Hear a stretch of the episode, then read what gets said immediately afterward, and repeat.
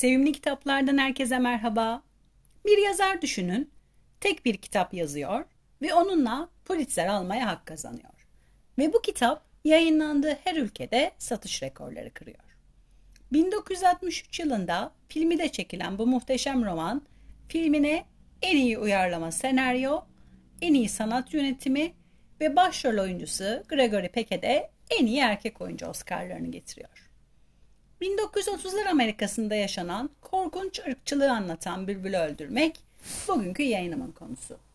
Yazar Harper Lee Bülbül'ü öldürmekten tam 55 yıl sonra bir kitap daha yazmış. Tesbih ağacının gölgesinde. Hep kendi halinde sade bir hayat sürmüş ve edebiyat dünyasının muhteşem kadını diye de tarihe geçmiş.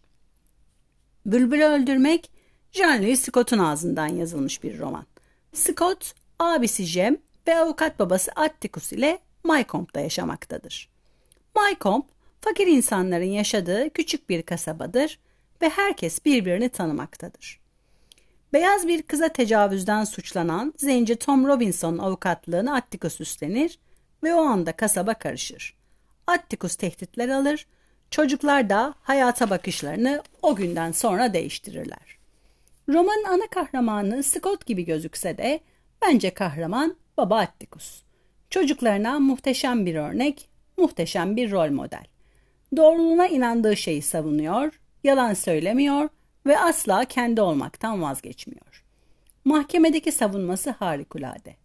Kasaba halkının hatta kendi ablasının tepkilerine rağmen insanların eşitliğine, eşit savunma hakkına inandığı için zanlıyı savunmaktan korkmuyor.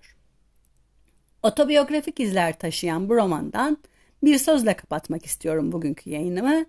İnsanlar bire ayrılır insan. Sürçülisan ettimse affola.